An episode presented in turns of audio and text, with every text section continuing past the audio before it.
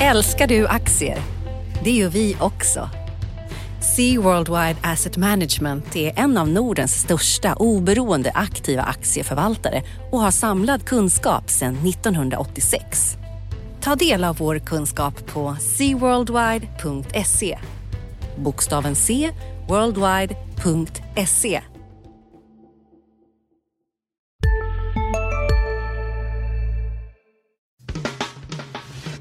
Analyspodden från Dagens Industri. Hej och välkommen till Analyspodden. Jag heter Viktor Munkhammar och med mig i studion idag har jag Magnus Dagel. Hej Magnus! Hej Viktor! Ja, det är fredagen den 7 juli men något sommarlugn har absolut inte infunnit sig på finansmarknaderna. Vi har en vecka bakom oss med ett rejält ränteuppställ med ett avgångsbesked från en av det svenska näringslivets riktiga tungviktare och ett räntebesked från Riksbanken och en hel del annat faktiskt. Eh, Magnus, var ska vi vi börja? Vi kan väl börja på veckans stora händelse på Riksbanken om du kan förklara lite för mig som ja. inte förstår. Jag, jag, jag, köpte en öl här i veckan, den kostar 76 kronor nu i Stockholm. Jag köpte en glass, 88 eh, på 7-Eleven, kostar nu 20 kronor. Det känns som priserna bara går upp och upp och upp. Det låter som du går på helt fel ställen. Ja. Men kan ja. du förklara lite grann hur det här hänger ihop och hur vi kan ja, men om vi börjar med ja, samtidigt som priserna går upp? Jag kan göra ett försök. Eh, om vi börjar med vad Riksbanken gjorde så eh, gjorde de ju ingenting med eh, räntan, den är kvar på minus en halv. Eh, de gjorde ingenting med de här köpen av statspapper, det programmet löper eh, till årsskiftet. De förlängde ju det vid mötet i april så det var inte så konstigt. Men de gjorde en annan sak, de ändrade i den så kallade räntebanan, alltså deras egen prognos för reporäntan. Tidigare så indikerade den en liten sannolikhet för en till sänkning. Eh, den sannolikheten tog de bort nu så att räntan, banan bottnar på de här minus 0,5 procent. Vi kommer i stort sett få leva med alltså, låga räntor minst två två och ett halvt Ja, de ser ju fortfarande framför sig, det här var det de gjorde med räntebanan, tog bort den här uh, biasen som man kallar då för, för, för sänkning. Eh, och, men de säger fortfarande de räknar med att den första höjningen kommer i mitten av, av nästa år. Och sen dröjer det ända till 2019 innan vi eh, ska vara uppe över, över, över nollan då. Så det var, det var, man kan tycka att de inte gjorde så mycket, men det var lite intressant det här ändå, för det här är precis samma sak som ECB och Norges bank har gjort, tagit bort den här så kallade sänkningsbiasen. Så det finns liksom en rörelse bland centralbanker där ute i världen, Bank of Canada är en annan sån där, mot eh, mindre eh, stimulerande penningpolitik och Riksbanken hakade på den här trenden. Din fråga då, varför höjer de inte när, när priserna stiger? Till att börja ja. med så, så, stiger inte priserna så mycket sett till aggregatet. Du menar det, i hela landet, utan det, ja, det är alltså centrerat till storstäderna och, och kanske Stockholm? Ja, det är möjligt att vissa varor stiger, men, men när, när, när SCB ut och mäter så är det ju inte den, så stora inflationsuppgångar, utan den underliggande inflationen ligger ju kring, ja den har varit uppe och touchat på 2% men Riksbanken är, de är livrädda efter 5-6 år med, med utfall under målet. Det var Stefan Ingves inne på också på, på presskonferensen, att vi, det räcker inte med en eller två månader, utan vi vill, vill känna oss trygga med att vi, liksom, inflationen ligger på målet eh, 2 eh, nu. Sen har de också med sig i ryggen en, en eh, eh prisuppgångar på energi som börjar falla ur nu. Så om man rensar bort det också, då är prisuppgången snarare ner mot 1 eller lite, lite över där. Men kan det inte vara så att man mäter inflationen fel då helt enkelt? Att man har fel parametrar där? Att, det, att den underliggande inflationen i, i landet är mycket högre än vad som... Det, det kan det ju vara. Framförallt är det en diskussion som förs om borde man ta med andra saker. Jag menar nu de här eh, prisuppgångarna på bostäder vi har. Det finns ju inte med. Eh, på eh, finansiella tillgångar, mm. börsen är ju inte med. Utan det är ju sånt som, tanken är att mäta det som man behöver för sitt, alltså mat, hyror, cyklar, mm. Eh, sådana saker.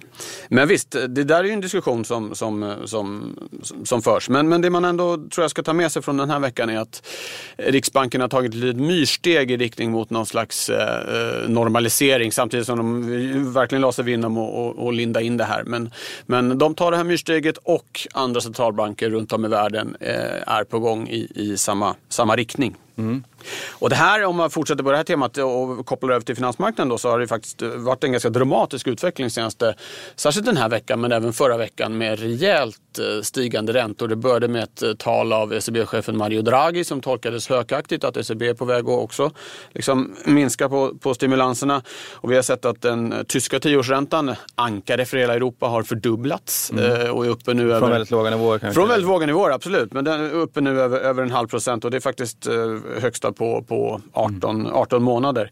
Eh, och även i Sverige har, har räntorna stigit, vilket då har satt sig lite på börsen också. Där ja. vi faktiskt har en period nu. Eh, nu står vi här, det är fredag förmiddag, men om inte det händer något, något dramatiskt på börsen idag så blir det faktiskt andra veckan på raken med mm. fallande, fallande börs. Vad ja, det kanske börjar sätta sig lite grann ränteuppgången där, att man börjar bli lite mer orolig. Det har varit stökigt på valutamarknaden också. Mm. Kraftig dollarförstärkning. Eh, det kan, kan ju vara det att... Eh, Dollarförsvagning? Ja, just det. Så var det. Mm, dollarförsvagning. Ja. Så, så, det kan ju vara ett tecken på att, att börsen tar till sig det. Och att fler börjar bli oroliga efter så här många år eh, uppgång. Vi är faktiskt inne på sjätte året idag som börsen går upp. Eh, visserligen är uppgången historiskt mindre än vad den varit eh, Ja, på, om man tittar på andra eh, börsuppgångar. Så den har varit försiktigare takt men, eh, men också under väldigt många år nu har börsuppgången hållit, hållit i sig. Mm. Så det.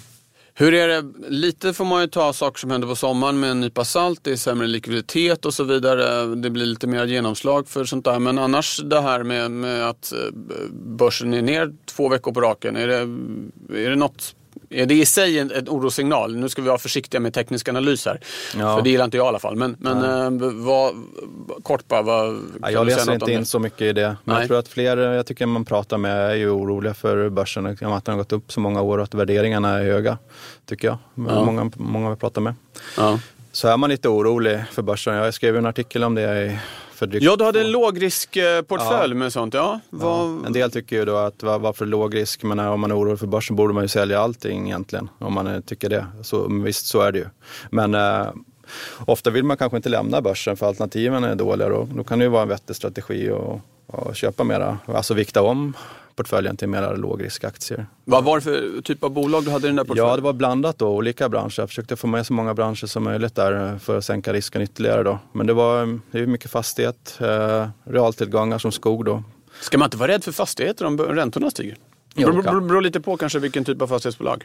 Ja, så, så kan det vara. Man får fokusera på de lågrisk eh, fastighetsbolagen som mm. jag gjorde. Då. Castellum och huvudstaden hade jag med. Så det, det måste man ju vara givetvis. Samtidigt ger de stabila eh, kassaflöden tror jag, även i en sämre konjunktur. Mm. Eh, speciellt de här med, med väldigt bra bestånd i, mm. i Stockholm och Castellum.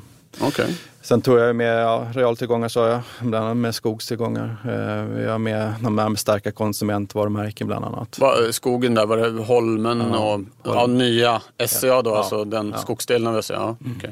mm. ja. ja. Ja, den kan man också hitta på di.se förstås. Lågrisk, eh, lågriskportföljen mm. kanske man ska söka på. Mm. Ja, men annars eh, får man säga att det har varit, eh, i motsats, eh, börsen är högt värderad, men det finns också en liksom underliggande, första gången på många år, att man faktiskt ser att omsättningen ökar. Det är lite mm. underliggande tillväxt. Det är ett starkt konjunkturläge i, i världen. Och en ovanlig grej med, med här, den här konjunkturuppgången är att den är så bred. Det, är liksom, det ser inte jättedåligt ut någonstans i världens stora stora ekonomier. Det såg vi här i veckan när det kom inköpschefsindex från hela världen att visst, det är lite bättre och lite sämre och sådär men, men det är en väldigt bred, bred uppgång och det, det är rätt ovanligt. Vi såg också Idag på morgonen bara så kom det eh, väldigt eh, starka siffror från, från eh, Frankrike, Tyskland, även Sverige, mm. produktionen i, i, näringslivet. Så att, eh, inte minst i Europa så ser konjunkturen stabilare ut än den har gjort på, på, på väldigt länge. Ja, och de politiska riskerna minskar också när valen är avklarade. Så man, tittar man på börsen per se, om man bortser från värderingarna så ser det ju väldigt bra ut tycker jag egentligen. Jag menar, räntorna är ultralåga fortfarande. Centralbankerna stimulerar massivt, konjunkturen är på väg upp, politiska riskerna har minskat.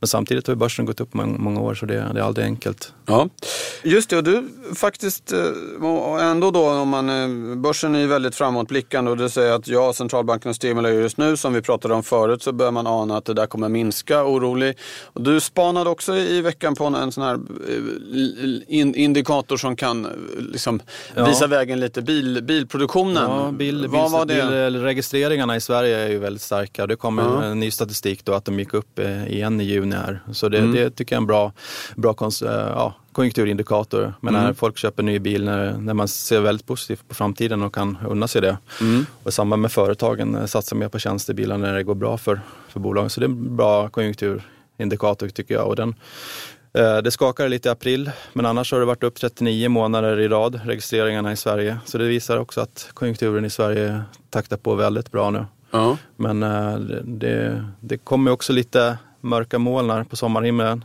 Tycker jag, ja, från, det brukar det göra. Ja, på horisonten västerut från USA då.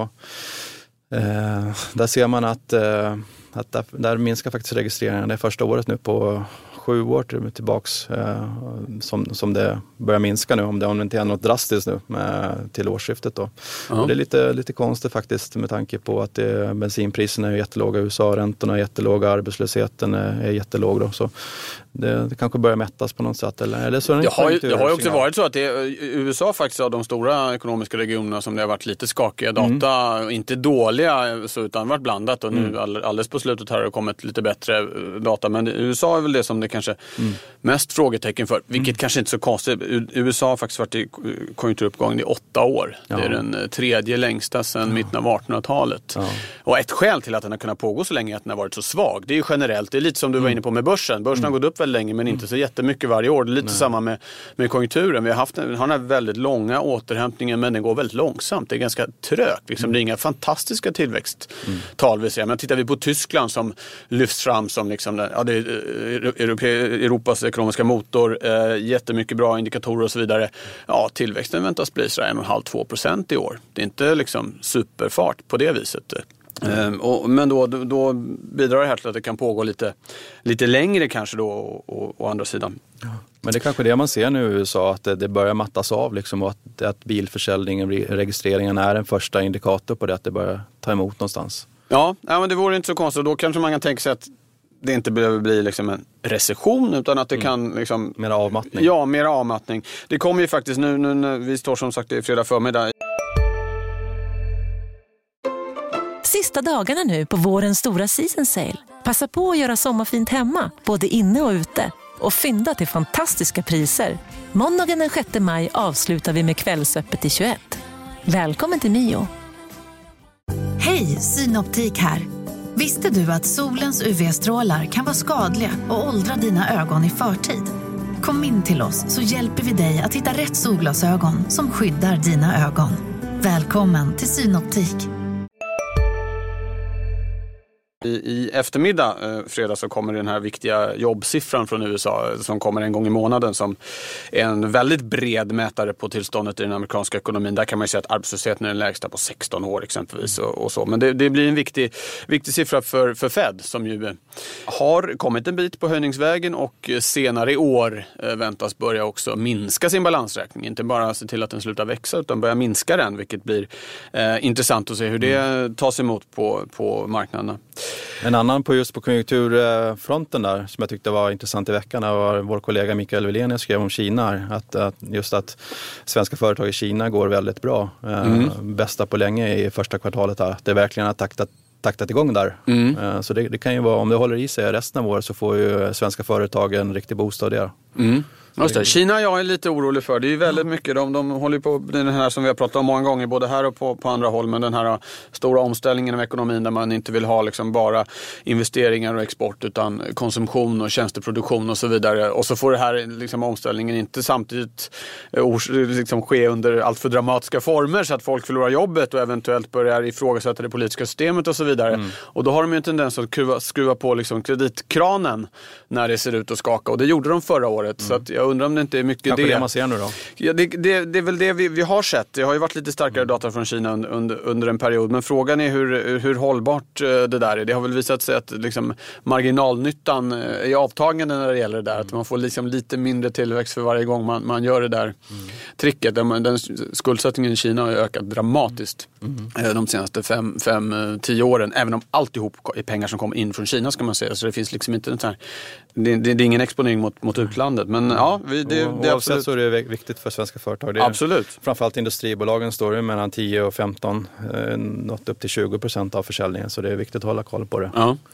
Eh, men du, veckans eh, stora grej på börsen är väl ändå att eh, Leif Johansson, mm. en riktig 10-taggare eller 12-taggare eller vad man nu säger, ni jägare där ute får väl mejla och rätta mig, meddelar att han slutar som ordförande mm. i Ericsson. Ja, många ropar väl äntligen, tror jag. Ja, Bland annat vår det- kollega Anders Egerstrand. Ja, precis. Ja. Vad ska man säga om det? det är ju, vi kan ju- bakgrunden där är ju Ericsson har ju haft problem länge. Eh, Leif Johansson har suttit som ordförande sedan 2011. Det har inte varit någon vacker resa för Ericsson. Nej, nej, verkligen inte. Eh. Jag tittar på det på precis här. Kursen är ner 25 procent sedan dagen han tillträdde och börsen är upp eh, 57 procent under samma period. Så det har varit en väldigt dålig utveckling under den perioden. Gap på 72 procentenheter där. Och det är ju det här Sevian, alltså Christer Gardells aktivistfond Mm. som ju har seglat upp som största ägare kapitalmässigt. Eh, Och det är väl ingen hemlighet att eh, Sevian gärna såg att Leif Johansson skulle försvinna. Och Ja. nu han borta. De har ju haft svårt med varandra ända sedan Volvo-tiden där. Ja, ja. Och vad, vad, vad betyder det här för Ericsson då, helt eh, kort? Förmodligen är det positivt att de får ett nytt eh, blod i bolaget tror jag. Att Ja. de kan göra en slags nystart tror jag. Från toppen. Nu har de en ny vd också så eh, det är nog positivt för bolaget tror jag. Har, har du någon känsla för vem som, han går ju inte på dagen, men har du någon känsla för vem, eller vilken typ av ordförande borde bolaget få in? Om vi behöver inte spekulera i namn, men Nej, men det måste ju vara någon med, med bättre telekomerfarenhet än Leif Johansson tror jag. Eh, Det måste ju vara någon som kan göra någon slags eh, nystart tror jag. Ja. Ska de behöva. Eh, men svårt att säga. Det, I tidningen skrev ju att eh, Johan Molin, Assa Abloy, har, har spekulerats om. Får se om han vill ta på sig ytterligare ett uppdrag här. Han har väl varit, eh, så länge han eh, kör Assa så har han väl varit väldigt eh, försiktig va? med att ta på sig allt för mycket. Han är ordförande i Sandvik också. Ja, men har inte sagt att det är det enda han eh, vill ha? Ja. Det hedrar honom kan man ju tycka. Om Ja. man är vd för ett börsbolag, det ska väl Absolut. vara mer än ett heltidsjobb. Ja, absolut. Ja, ja. Så vi får se vad som händer. Det, det blir spännande att följa. Bra, ska vi bara nämna kanske apropå, eh, det har ju med börsen att göra, det har varit en ganska, eh, kronan har stärkts en del på sistone. Eh, framförallt mot dollarn, eller man kanske ska säga att det är dollarn som har försvagats eh, mot Vad beror det många på? valutor. Ja, det var lite det här talet från, från eh, Mario Draghi jag pratade om som fick, fick euron att stärkas rejält mot eh, dollarn. Och sen så finns det väl lite frågetecken för hela den här dollarn. Dollarn fick ju en skjuts efter eh, Trumps eh, valseger med den här skattesänkningar, eh, stimulera eh, liksom, eh, infrastrukturinvesteringar och så vidare. Och det där har ju lite liksom mattat samtidigt som ju som sagt eh, statistiken har varit, varit lite blandad. Men om man bara noterar att eh, från i höstas så har kronan stärkts ungefär en krona mot, mot eh, dollarn och eh, senaste ja, veckorna så är det en eh, 35 öre ner mot eh, 8,40 och vi är nu faktiskt tillbaka på den nivån där, där dollarkursen låg från i princip början av 2015 till mitten av 2016. Runt, eh, ja, ska vi säga, mellan 8,10 och 8,50 någonting. Eh, och så var det ett hopp upp här då, upp till och med över, över 9 kronor och nu, nu tillbaka här. Eh, så frågan är om man ska se de här som gällde under ett och ett halvt år som en lite mer normal kurs, att vi nu är, tillbaka där. Och ja, det, det återstår såklart alltid att se, men det här har ju påverkan på många svenska börsbolag är ju dollar, dollarkänsliga. Verkligen. Inte minst H&M. Ja. Och många asiatiska valutor är knä- kopplade till dollarn också, Ja. så det, det är viktigt. Ja. Bra, då har vi noterat det om dollarn. Vad tror du då? Vad, vad var en rimlig nivå? Tycker du På, dollarn börjar... oj, rimlig nivå på en valuta. Det är en sån här klassisk tycker du att eh, dollarn börjar bli trade. undervärderad mot kronan eller tvärtom? Eh, nej, alltså generellt eh, är det ju svårt att säga att kronan skulle vara något annat än undervärderad mot de flesta valutor. Om man tittar på ja, så kallade fundamenta som tillväxt, eh, statsfinanser, bytesbalans och så vidare så borde ju kronan stärkas. Men det har man ju sagt länge. Nu har ju Riksbanken i brist på andra verktyg att använda jobbat med växelkursen för att hålla uppe inflationen, se till att vi importerar inflation. Och, och eh, det, det är svårt att gå emot en centralbank. Det säger de ju varje gång nu också att vi får absolut inte få en alltför snabb förstärkning av kronan. Även Riksbanken räknar med att kronan ska stärkas ska man säga. Utan, och då är det, men då är det väldigt mycket spel med ECB. Att de, de, eh, Ingves sa till och med det på, på presskonferensen, han har använt den liknelsen några gånger, att om du har en, bor granne med en stor elefant och den elefanten sprutar vatten, då är det ganska stor risk att det stänker på dig också. Och med det tror jag han menar ungefär att vi, vi, vi gör ingenting om inte ECB går före. Eh, De är livrädda för att få ett eh, allt för stort gap till, till, till ECB. Och då får vi leva med en undervärderad krona helt enkelt. Ja, det, det, det är det verktyget de, i, i brist på andra så har, har de liksom använt valuta. Man kan ju inte hålla på hur länge som helst med att använda liksom växelkursen för att försöka styra, styra inflationen. Men hittills har de gjort det. Men när Riksbanken, om, om när de liksom börjar eh, släppa lite på det, då borde ju rimligtvis kronan stärkas. Så att, eh, jag skulle inte säga... Att, till sin fundamentala riktiga nivå. Vad det nu är. Men, men visst, eh, att en, en, säg att en, en dollar, ja de, kanske de nivåer vi har nu då, 8 någonting. Mm. Och så att eh, euron ska ner mot 9. Den mm. ligger ju runt 9,60, 9,70 mm. nu sådär. Borde man kunna tänka sig. Nivåer. Ja, mm. det, är, den, är ganska dyr. Men, men eh, vad som är normalnivåer för valutor, det är många som har bränt sig på mm. spekulera i sånt. Ja, du kan väl göra det också? ja, precis. Så, nu har jag bränt mig. Du, eh, ska vi kort blicka framåt? Jag tänkte du skulle få eh, berätta lite om vad du har ett spännande jobb på gång som kommer i lördagens tidning. Ja, vi kan väl börja med att säga vad som händer lite nästa vecka då. Då ja, visst, ju rapportperioden igång på lite ja. mer allvar. Det börjar komma ja. lite föråkare. Framförallt är det fastighetsbolagen som rapporterar och det, det kommer en, en, stor del av fastighetssektorn rapporterar nästa vecka. Då. Mm, mm. Eh, så det blir intressant att följa. Eh, det tänker jag skriva lite om ja. nästa, nästa, vecka då. Eh, följa upp de rapporterna. Ja, det är lite av din specialitet kan man säga, va? fastighetsbolagen. Ja, det har väl blivit så lite grann. Ja. Mm. Det är kul. Är det något särskilt du är nyfiken på där? Va, va? Ja, man vill ju gärna se, tycker jag, om uh, uppvärderingar av fastigheterna fortsätter i det här halvårsskiftet här. Och om vad som händer med avkastningskraven tycker jag är intressant. Om man ser att de börjar plana ut nu. De börjar komma på så låga nivåer i, i Stockholm här, bland annat. Uh -huh. Det är svårt att sänka dem ytterligare. Vill du berätta kort bara? Alla kanske inte vet det. Vad, vad menar du när du säger avkastningskravet? Ja, det är egentligen räntan som man uh, diskonterar med.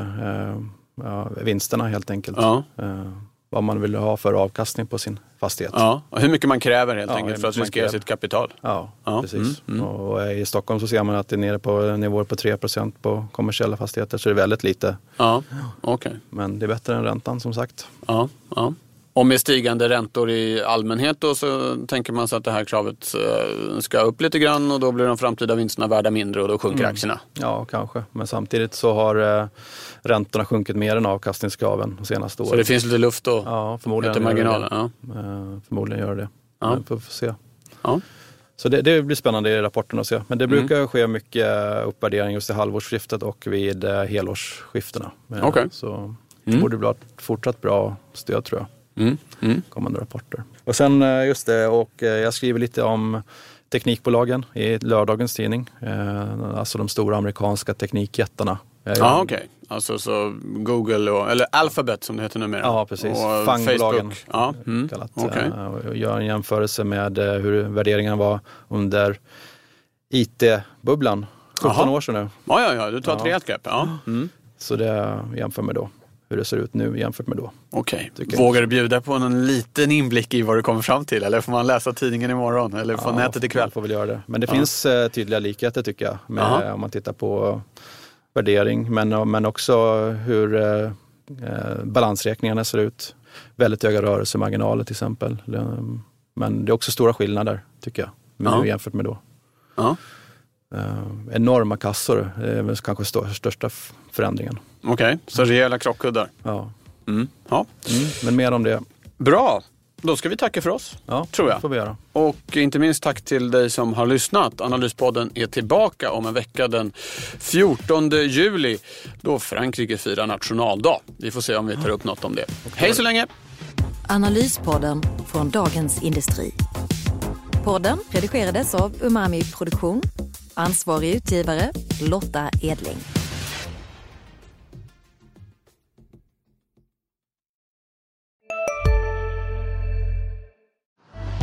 Älskar du aktier? Det gör vi också. Sea Worldwide Asset Management är en av Nordens största oberoende aktiva aktieförvaltare och har samlad kunskap sedan 1986. Ta del av vår kunskap på seaworldwide.se. Bokstaven C, worldwide.se